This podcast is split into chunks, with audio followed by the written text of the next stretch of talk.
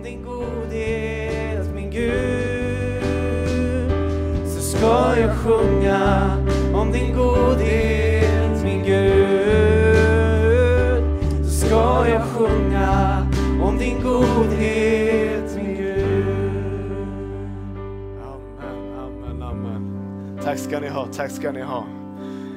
Så underbart att bara få göra, göra det vi gör på, på söndagar. Vi vänder våra hjärtan till Gud. Vi lyfter vår blick, vi ser på honom, på hans godhet, på den han är. Och ibland kan vi behöva påminna oss om hur god, om hur trofast Gud är och hur god, hur trofast han har varit mot dig och mig. Och det är lite det vi ska tala om idag. Så eh, får jättegärna sätta dig ner. Tack ska ni ha igen. Och, eh, ni, får, ni kommer få komma tillbaka. Jag behöver er sen.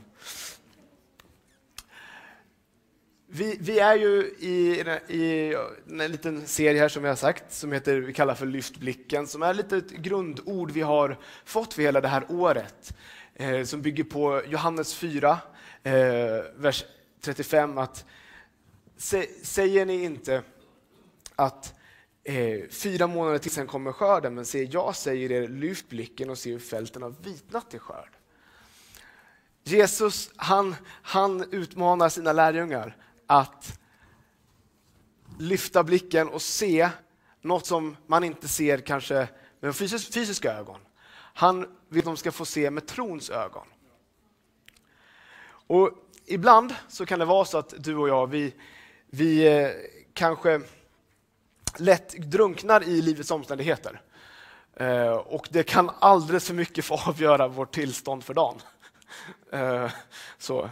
Jag menar, som, eh, men det har varit perioder av att man vi har varit, kanske varit lite sjuk och man blir trött och svag och tappar garden och så ta, glömmer man lyfta blicken.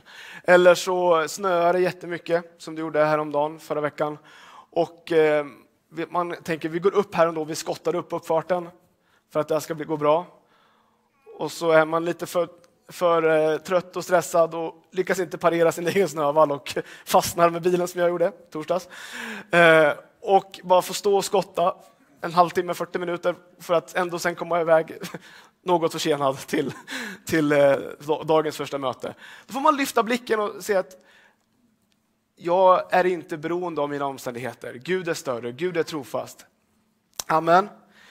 Eh, och, eh, ni vet när det är OS, massa världsliga saker, det kan vara lätt att man ena dagen seglar på svenska framgångar och andra dagen så, nej, Tre Kronor kunde inte ens ta brons.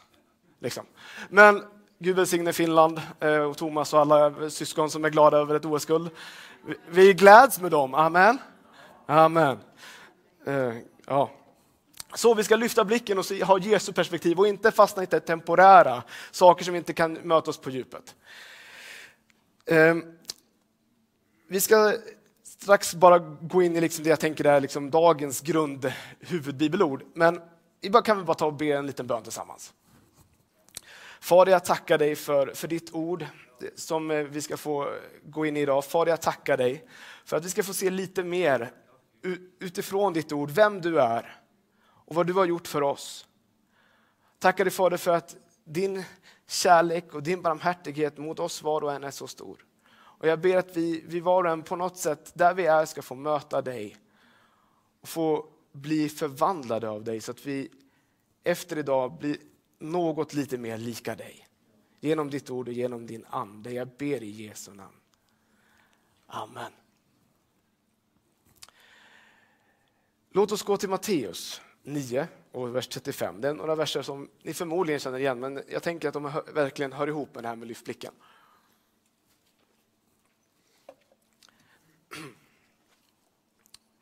Vi läser vers 35 till 38. Det står Jesus gick omkring i alla städerna och byarna och han undervisade i deras synagogor och förkunnade evangeliet om riket och botade alla slags sjukdomar och krämpor. När han såg folkskarorna förbarmade han sig över dem, för de var härjade och hjälplösa som får utan herde. Och han sa till sina lärjungar, Skörden är stor, men arbetarna är få. Be därför skördens Herre att han skickar ut arbetare till sin skörd. Här skulle jag vilja lyfta, om vi generellt tänker att lyft blicken är att se med trons ögon. Här ser vi att också att lyfta blicken innebär att se människor och att se dem med barmhärtighetens ögon, med barmhärtighetens blick. Det var det Jesus gjorde, så det är det vi ska göra. Men ärligt talat, det här barmhärtighet, kanske bara, ja, men hur ofta pratar vi om det?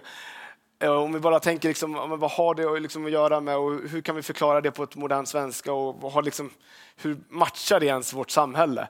Ja, det är ju något som verkligen generellt är ganska inte i linje med vårt samhälle i stort. Vi lever i ett ganska kallt samhälle om vi ska vara lite krassa. Alltså, gör någon ett fel, minsta lilla, så med glädje ska vi nita dig eller hänga ute dig eller kränk, alltså, alltså, gör du, alltså, nu säger inte jag att, så, att folk eh, ska göra vad som helst, men klimatet pratar jag om, kulturen i samhället. Att gör någon minsta lilla fel så då är vi jättefina åklagare av dina, dina misstag och vi försvarar våra egna jätteduktigt. Um, men alltså, ni vet cancelkultur, man liksom avföljer, jag håller inte med dig, jag, jag kan inte vi vara vänner längre. Alltså det är så här, helt sjukt egentligen. Och här så blir det då, om vi faktiskt tar fasta på det här med att ha barmhärtighet som det som råder i våra hjärtan, då blir det ett perfekt läge här att kunna vara, att inte anpassa oss efter den här världen, utan istället få spegla något av vem vår fader är. För han är barmhärtig. Han är god. Jag brukar säga så här att när vi, Bibeln säger att vi ska inte anpassa oss efter den här världen så betyder det inte att vi ska vara så här outsiders i onödan. Men när det finns någonting som, inte liksom, som, som, som, som clashar med den Gud är och den han vill att vi ska vara, då är det läge att inte anpassa sig. Amen. Kom igen, ja, men det här är ju bra grejer. Är ni vakna liksom? Bra, tack. Så barmhärtighet börjar i vem Gud är. Alltså, nu, nu kommer vi ta några bibelord lite fort, men eh, du hänger med. Eh, redan liksom i Moseböckerna, när Gud ska presentera sig, vem han är, så står det i Andra Moseboken eh, 34, vers 5-6 om hur Herren stiger ner i molnskyn och ställer sig in till Mose. Och det står att han ropade ut Herrens namn och Herren gick förbi honom där han stod och ropade Herren, Herren, en barmhärtig och nådig Gud sen till vrede och stor i nåd och sanning. Det är det första Gud presenterar sig som, han är barmhärtig. Psaltaren 116 och 5 säger att Herren är nådig och rättfärdig. Vår Gud är barmhärtig. Amen. Och i Fesebrevet 2, vers 4-5. Men Gud som är rik på barmhärtighet har älskat oss med så stor kärlek, även när vi ännu var döda genom våra överträdelser, att han, han har gjort oss levande med Kristus. Av nåd är ni frälsta. Ser ni, det är Guds barmhärtighet som är grunden till att vi ens är frälsta. Så barmhärtigheten börjar med Gud. Bara en liten så här, eh,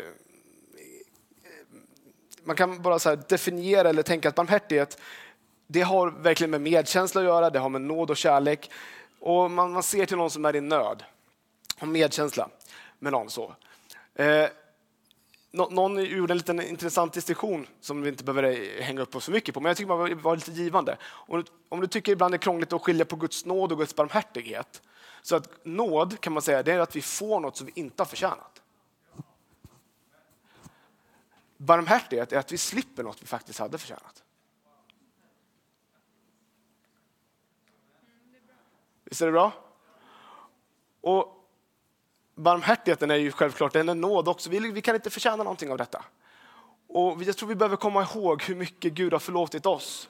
Hur mycket han har haft barmhärtighet med dig och mig. Så att vi kan leva utan bitterhet. Så att vi kan leva med en offervilja, att vi kan vilja göra uppoffringar när det behövs.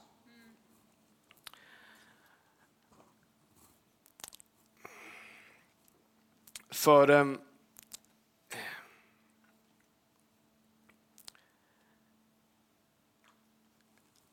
vi kan aldrig förtjäna Guds förlåtelse. Och om vi kommer ihåg det så kommer, behöver vi aldrig gå i fällan att vi tror att någon annan ska förtjäna vår förlåtelse. Heller. Jesus, när han kom, så kom han för att visa vem Gud är. Och Gud han hade lovat att han själv skulle komma till, till, till sina egna, till sina får som var förlorade. Eh, det här kommer inte komma upp, men ni kan bara lyssna och anteckna om ni gör det. I Hesekiel 34 finns det några verser som jag älskar som beskriver just Guds herdehjärta. Vers 15 och 16. Det står, jag ska själv föra mina får i bet och låta dem vila sig, säger Herren Gud. Och de förlorade ska jag söka upp, de som gått vilse ska jag föra tillbaka och de sårade ska jag förbinda och de svaga ska jag stärka. Det här är Guds barmhärtighet. Och när Jesus kommer och han ska inleda sin tjänst i den heliga Andes kraft så citerar han Jesaja 61 som verkligen är helt i samma tongång om man säger. Herren, Herren Guds ande över mig, för Herren har smort mig att förkunna glädjens budskap för de ödmjuka. Han har sänt mig att förbinda de som har förkrossade hjärtan, att utropa frihet för de fångna och befrielse för de bundna. Så när Jesus gick omkring i byarna och städerna som vi läste i Matteus 9 så gjorde han det i den heliga Andes kraft. Och det var barmhärtigheten som drev honom till att låta Guds rike få bryta igenom, himlen komma till jorden. Det är Guds barmhärtighet. Och faktum är att det, när man tittar på grekiskan på just barmhärtigheten här så är det ett ord som är så otroligt starkt att det liksom det talar om en sån innerlig medkänsla, att ens hjärta verkligen krossas. Det, liksom, det känns ända in i inälvorna. Den barmhärtigheten var det som Jesus gick omkring med. Människor, nu får du fyra ben om du vill ha, eh, utifrån Matteus 9. Som behovet är akut. Människor är härjade och hjälplösa. Det, det, det, så är det idag också. Människor, jag menar, du behöver inte ens titta utanför kyrkans väggar. Ingen av oss har allt på plats. I alla fall inte jag. Nej, men alltså, vi, vi har alla någon, någonting där vi kan stött. Någonting som det är lite trasigt. Det är lite sårat, lite svagt. Men vi har hopp därför att vi känner Jesus. Människor där ute som känner samma sak, kanske ännu mer, saknar hoppet för de känner inte Jesus. Och då blir det så mörkt och så dystert. Så behovet är akut. Det första B. Barmhärtighet är drivkraften som vi varit inne på här. Och sen det som är utlösande och utsändande är bönen. Bön utlösande. Jesus säger be skördens herre. Och sen bauta stor är potentialen, skörden är stor. Starkt fjärdedel ben bauta stor. Jag kommer ihåg, kommer ihåg, jag är rätt säker på. Så Jesus, det var hans drivkraft och han var verkligen inte sån som i vår tid att håller, håller jag inte med dig, då kan jag inte vara med dig. Eller hur? Och det var det som var, blev problem för honom. Det var, liksom, de religiösa ledarna tyckte det här var jätteproblematiskt. Eh, han liksom lät folk som var tillhörde fiendesidan, de som ockuperade, romarna, som hjälpte dem att dra, driva in skatten. De blev hans lärjungar. Matteus var en sån. Och vi kan bara läsa eh, ifrån Matteus 9, precis när Jesus har kallat Matteus, så står det om i vers 10-13 så här.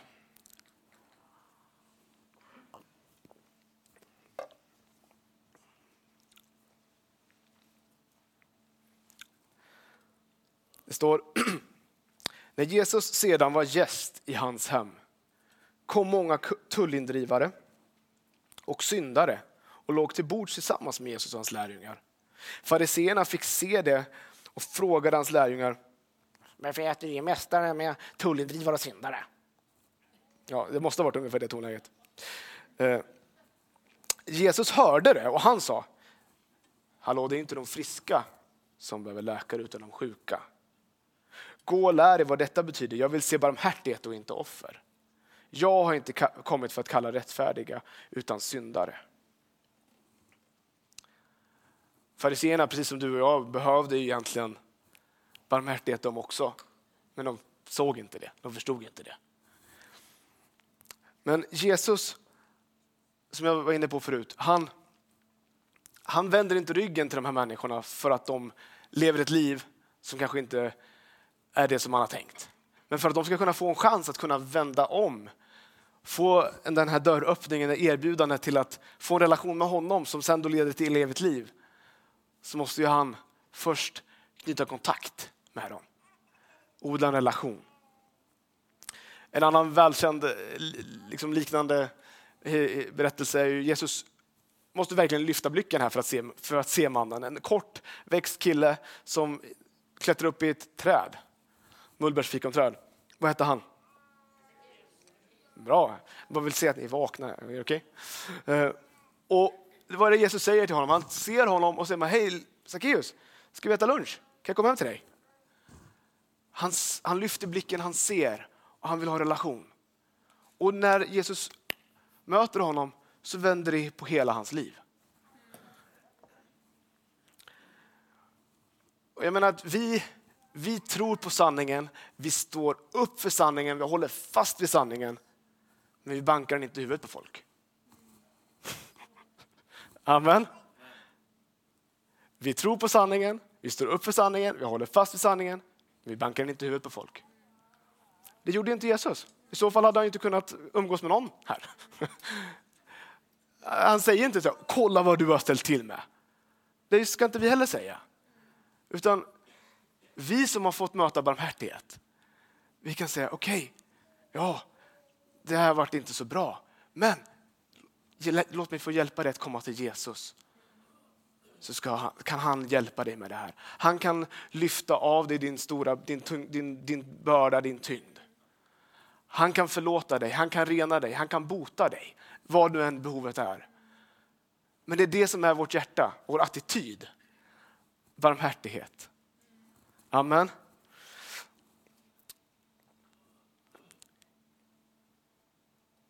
Så här står det i Matteus 12, vers 18.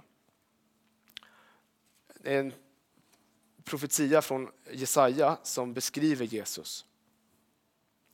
Se min tjänare som jag har utvalt, min älskade som min själ gläder sig över. Jag ska sända min ande över honom och han ska förkunna rätten för folken. Han ska inte gräla eller ropa. Ingen ska höra hans röst på gatorna.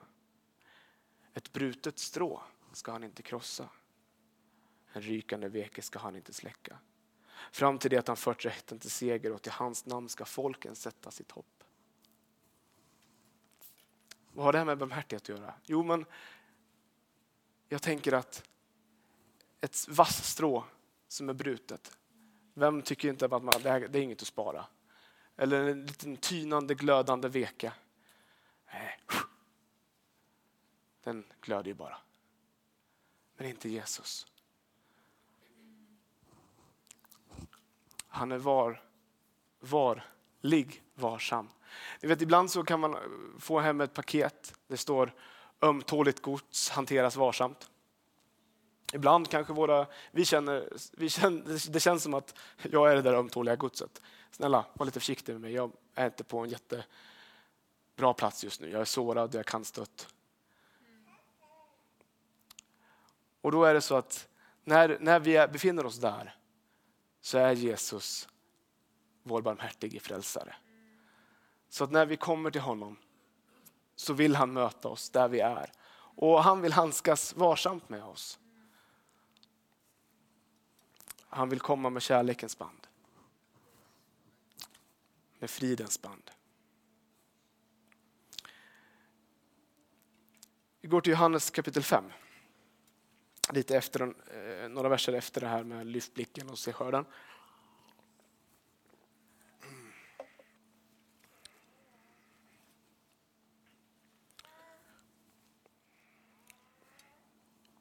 står så här. Sedan kom en av judarnas högtider och Jesus gick upp till Jerusalem. Vid fårporten i Jerusalem finns en damm som på hebreiska kallas Betesda. Den har fem pelargångar och i i dem låg många sjuka, blinda, halta och lama.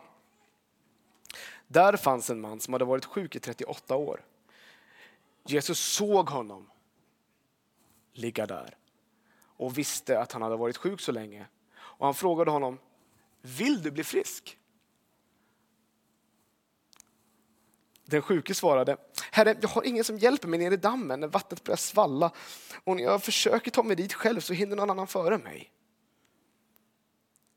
Det var som man trodde att när vattnet kom i rörelse att då blev man frisk om man kom ner där. Man trodde det var någon ängel som gjorde det. Det var någon slags folktro på den tiden. Jesus står där och frågar bara, vill du bli frisk? Men mannen ser inte Jesus, fattar inte vem Jesus är för det första. Och istället för att bara svara ja, jag vill bli frisk, så bara ser han sina omständigheter, sina begränsningar, sina problem. Jag har ingen, jag är ensam. Och när jag försöker i egen ansträngning, rätt så mycket som ser ni, det finns saker som är lite likt med vår tid, även om vi är en helt annan situation. Men då säger Jesus till honom, res dig, ta din bädd och gå. Och genast blev mannen frisk och han tog sin bädd och gick.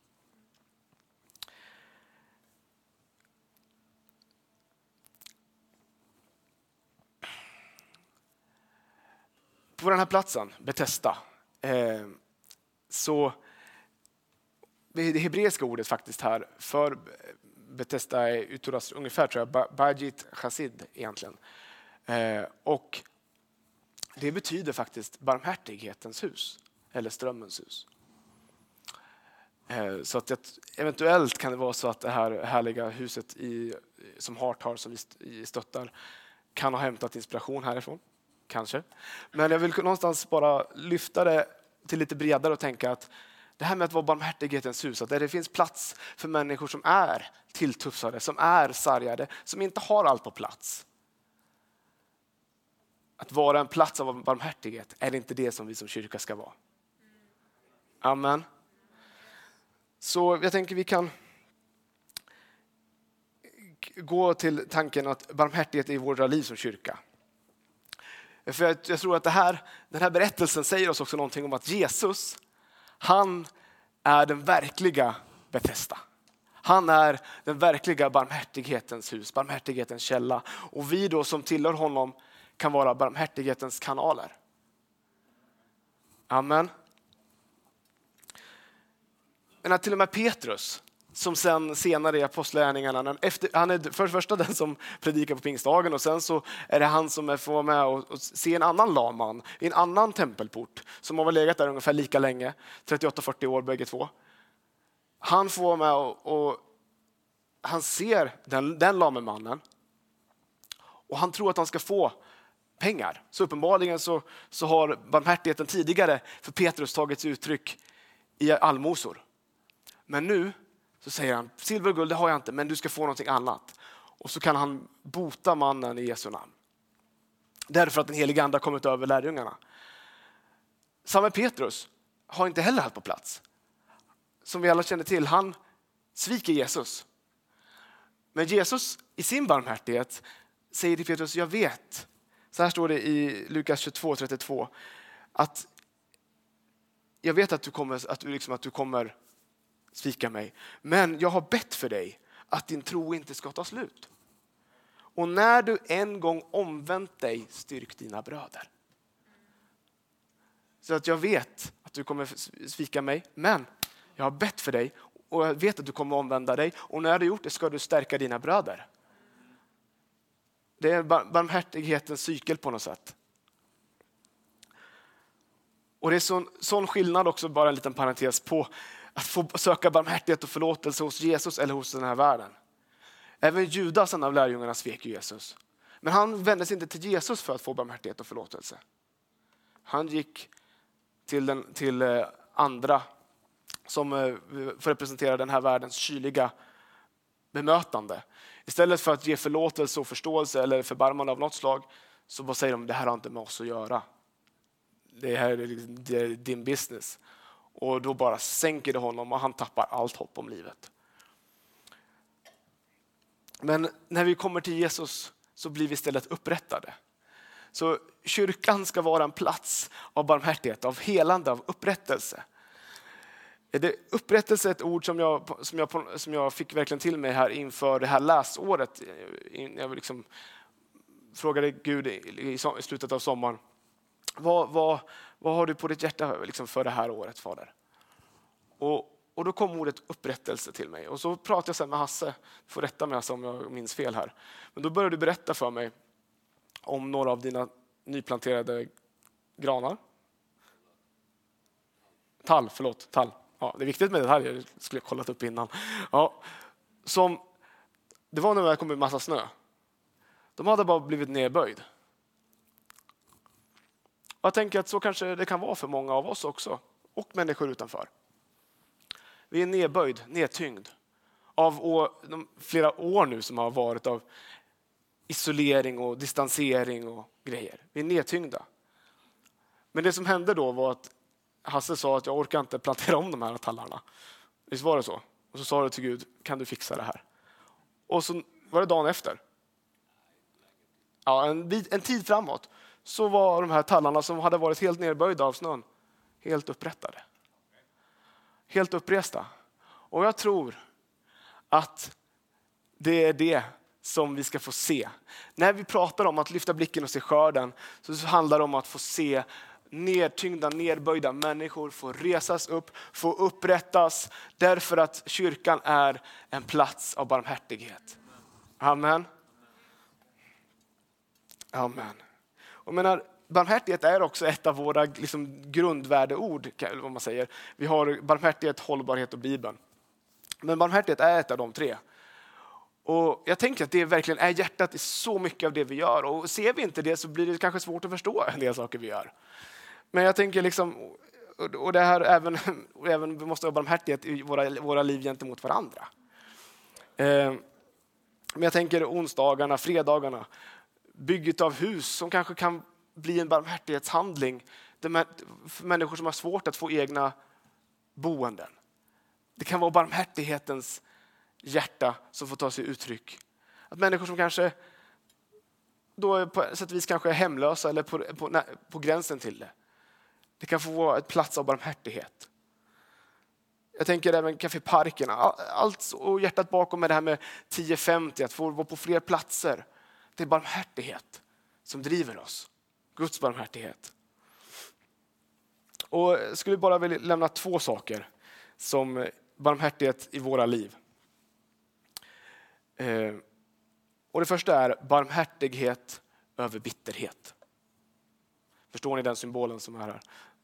Barmhärtigheten vinner över bitterheten. I Lukas 6 och 36 så står det var barmhärtiga så som er far är barmhärtig. I Efesierbrevet 4 så står det lägg bort all bitterhet. Var istället goda och barmhärtiga mot varandra och förlåt varandra så som Gud i Kristus har förlåtit er. Och bli därför Guds efterföljare som hans älskade barn och lev i kärlek. Och så står det även i Matteus 5, det liksom går inte att missa den, att saliga är de barmhärtiga för de ska få barmhärtighet.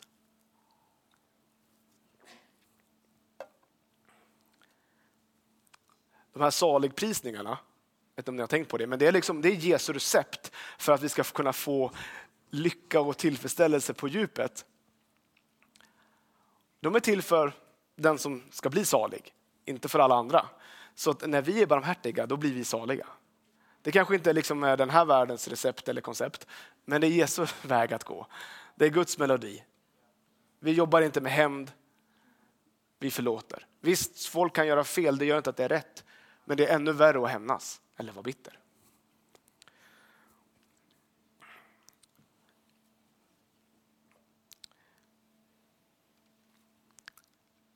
Jesus lär oss att när vi ska be att vi ska förlåta oss våra skulder liksom vi förlåter de som står i skuld till oss.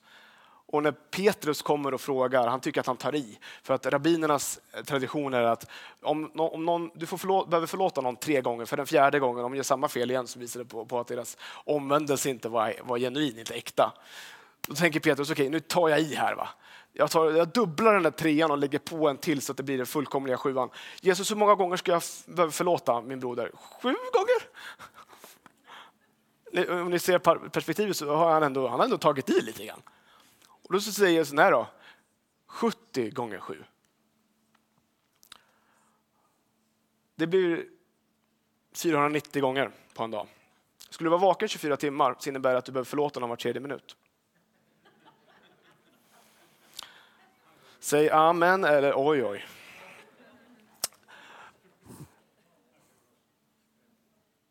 Poängen är att vi inte behöver hålla räkningen på vad folk gör mot oss. Vi ska tappa räkningen. Vi ska bara förlåta för att vi har fått möta Guds barmhärtighet. Det finns, finns även en liknelse Jesus drar efter det som ni kan kika på hemma i Matteus 18. Då han förklarar hur en, en man har en, nu kan vi ta ordet bauta igen för det är så kul, bauta, stor skuld. Och om man ska omvandla den till lite så moderna grejer. Min son satt på, eh, på frukosten en dag och ställde, gav mig en massa räknefrågor för att han liksom ville väcka mig. Så nu, nu får ni lite matte bara för det. Eh, och det, skulden är på alltså 60 miljoner dagslöner. Eh, vilket är typ flera miljarder svenska kronor.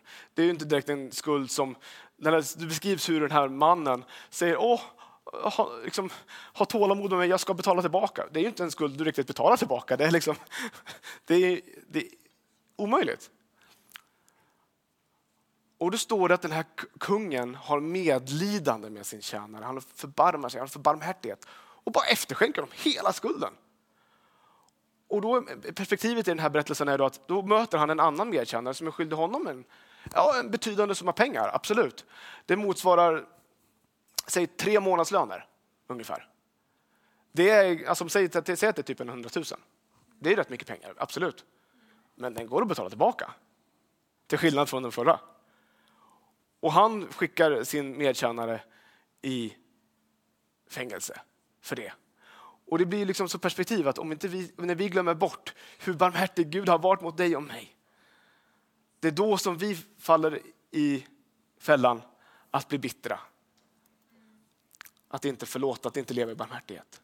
Så ett sätt att vi lever i barmhärtighet är att vi påminner oss hela tiden om hur stor Guds barmhärtighet har varit mot dig och mig. Emanuel och gänget, ni kan komma upp. Nu ska vi ta en sista grejen här bara.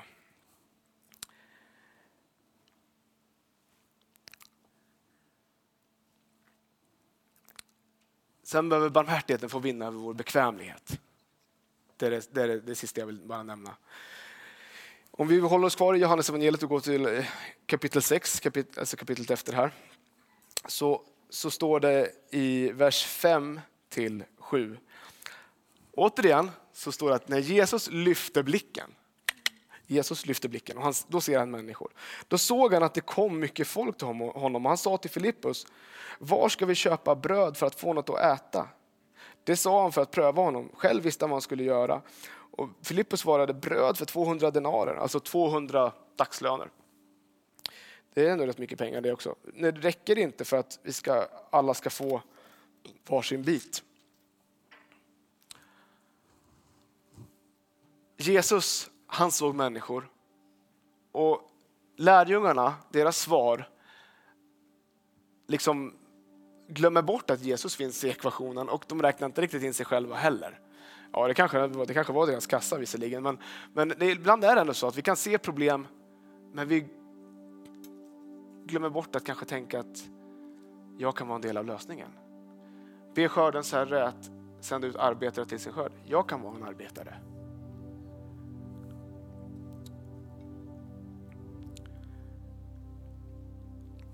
Om vi är drabbade av Guds barmhärtighet och hans medkänsla så kan vi faktiskt göra någonting. Någonting kan vi göra. Vi har alla någon gåva, alla någon tillgång, någon resurs. Och vi har alla olika relationer som Gud kan använda för att människor ska få möta hans barmhärtighet. För att kunna kanske få vara hans förlängda hand och be för någon som är sjuk.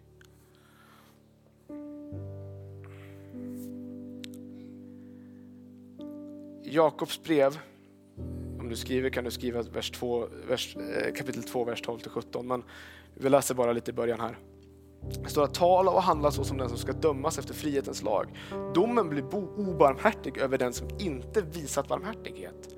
Men barmhärtigheten triumferar över domen. Mina bröder, vad hjälper det om någon säger, ha sitt, säger ha tro men saknar gärningar? Och så talar han om att om du ser någon som lider och säger bara gå, Gud välsigne dig, men inte hjälper dem. Vad är det för barmhärtighet? Vad är det för tro? Så om vi vill vara som Jesus, så, så precis som när han såg människorna som de, de är många, de är hungriga. Då se, barmhärtigheten ser behov, känner behov och möter behov. Och precis som Petrus, som jag nämnde här, sen kunde få se den här lame mannen i sköna porten och kunde hjälpa honom. Därför att hans ögon hade öppnats, han hade fått barmhärtighetens ögon öppnade i sitt hjärta. Så tänker jag att det, jag tror att det verkligen är det Gud vill göra med dig och mig. Att vi ska kunna få, för att vi ska kunna få lyfta blicken och se hur den här skörden som vi tror finns där, som är människor, så måste barmhärtighetens ögon vara det vi ser människor med. Och det här går ju åt båda håll. Det är både till oss själva och till andra. Så att jag tror att vi verkligen är kallade att vara en plats av barmhärtighet. Och vara barmhärtighetens kanaler. Vi ska omfamna människor som är svaga, som är sargade, som är tilltufsade. Lyfta dem och leda dem till Jesus. Vi ska vara en fristad för alkoholisten. En fristad för den hemlöse. En fristad för främlingen och flyktingen. En plats där man inte rynkar näsan åt människors misslyckanden.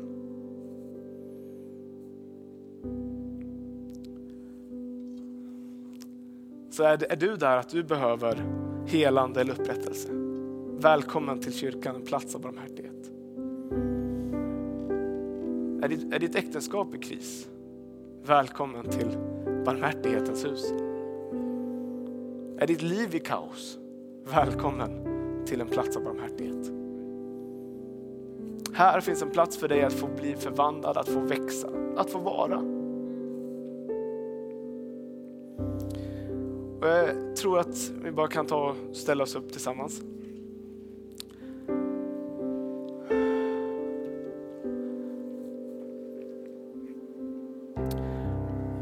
Tror att, att vår himmelske fader som är ursprunget till all barmhärtighet. Han vill röra vid ditt och mitt hjärta den här stunden med, med sin barmhärtighet. Och är du där att, att, du känner dig utpumpad, du känner dig skör, känslomässigt, fysiskt, andligt, då har du kommit till rätt plats. Ska vi ta en stund här då vi, när vi ber tillsammans, vi, vi lovsjunger och vi ber tillsammans. Ska du få komma, ska vi be med dig. Eller har någonting annat pekat i ditt hjärta? Finns, finns det någon, någon uns av bitterhet, någon, någon enda liten rot eller kanske ganska mycket? Så har du en, en stund nu att kunna få rycka upp dessa rötter. Eller om det här inte är ditt läge, utan mer du tänker på de som du kanske finns i din närhet. Finns det någon som är ensam, som är isolerad, någon som du faktiskt nu med gott samvete kan komma och hälsa på? Eller höra av dig till? Eller någon som kanske har dragit sig undan. Det är intressant att här kapitlet efter att Jesus har sagt om att sända ut arbetare till skörden så står det att han hem, kallar samman apostlarna, skickar ut dem och då säger han det första att gå till de förlorade fåren av Israels hus. Vi vet att missionsbefallningen gäller alla, givetvis. Men jag tror att om vi inte är barmhärtiga mot varandra, om vi inte söker upp varandra, hur ska vi då kunna trovärdigt söka upp andra också? Jag menar inte sätta saker och ting mot varandra, absolut inte, förstå mig rätt. Men jag tänker, om du, när jag bara säger det här, tänk, om du kommer att tänka på någon som du kanske inte har sett i kyrkan på ett tag, eller överhuvudtaget sett till, som har dragit sig undan gemenskapen. Kanske du ska ta och be en bön för den personen och kanske fundera på om det finns något du kan göra för att få den här personen tillbaka till gemenskapen, föra den här personen nära Jesus igen. Eller finns det bara någon som behöver omsorg? Någon som behöver helande, någon som behöver hjälp? Så oavsett vart du befinner dig, om du så att du, du, du har egna behov eller att du tänker på någon annan som du vill att om den här personen tänker jag på, den här skulle vi kunna, jag vilja ha hjälp att be för. Så båda de, de fallen så kan vi eh, hålla oss här borta mm, runt bönerummet och så kan vi ta och be tillsammans och be för varandra och be för dem som vi har på våra hjärtan. För det är det jag har fått, bara fått på mitt hjärta att, att Gud, Gud som är så barmhärtig, han vill att vi ska kunna få vara hans barmhärtighetskanaler. Men han vill också möta oss med, med, sin, med sin barmhärtighet om det är där vi befinner oss. Är ditt hopp en tynande veke så kommer inte han blåsa ut det. Utan han vill ge dig ett nytt hopp, ett nytt stärkt hopp. Halleluja. Halleluja. Fader, jag tackar dig. Fader, jag tackar dig att du är så god, att du är så trofast, att du är så full av barmhärtighet. Tack för att du har frälst oss av nåd. Tack att du har förlåtit oss vår synd, vår skuld.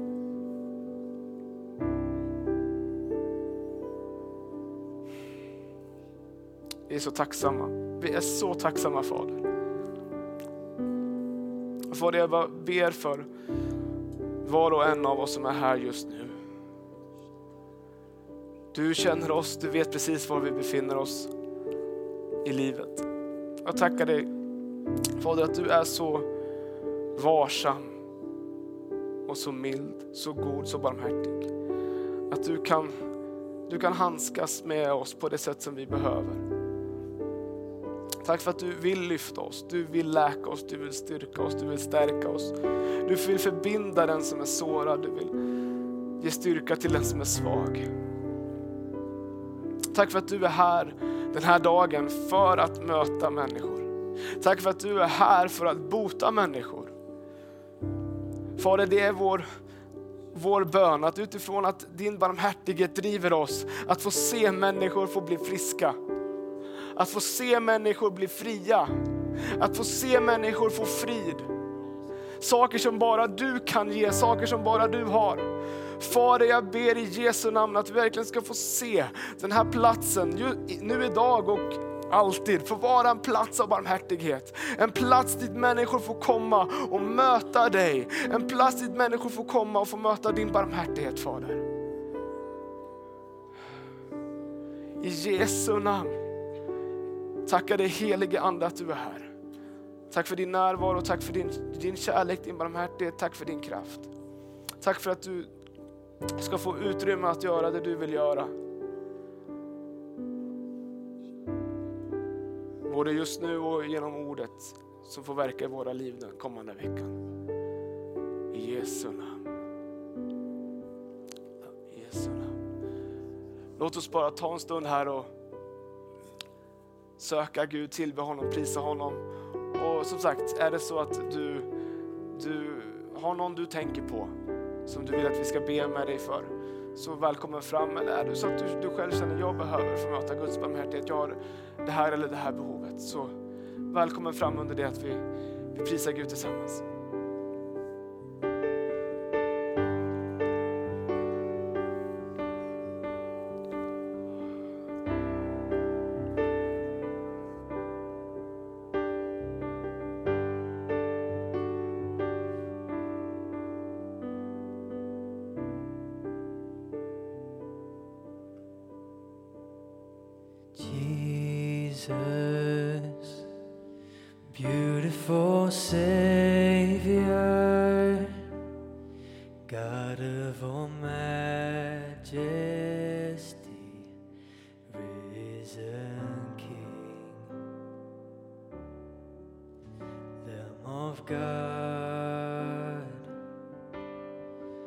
holy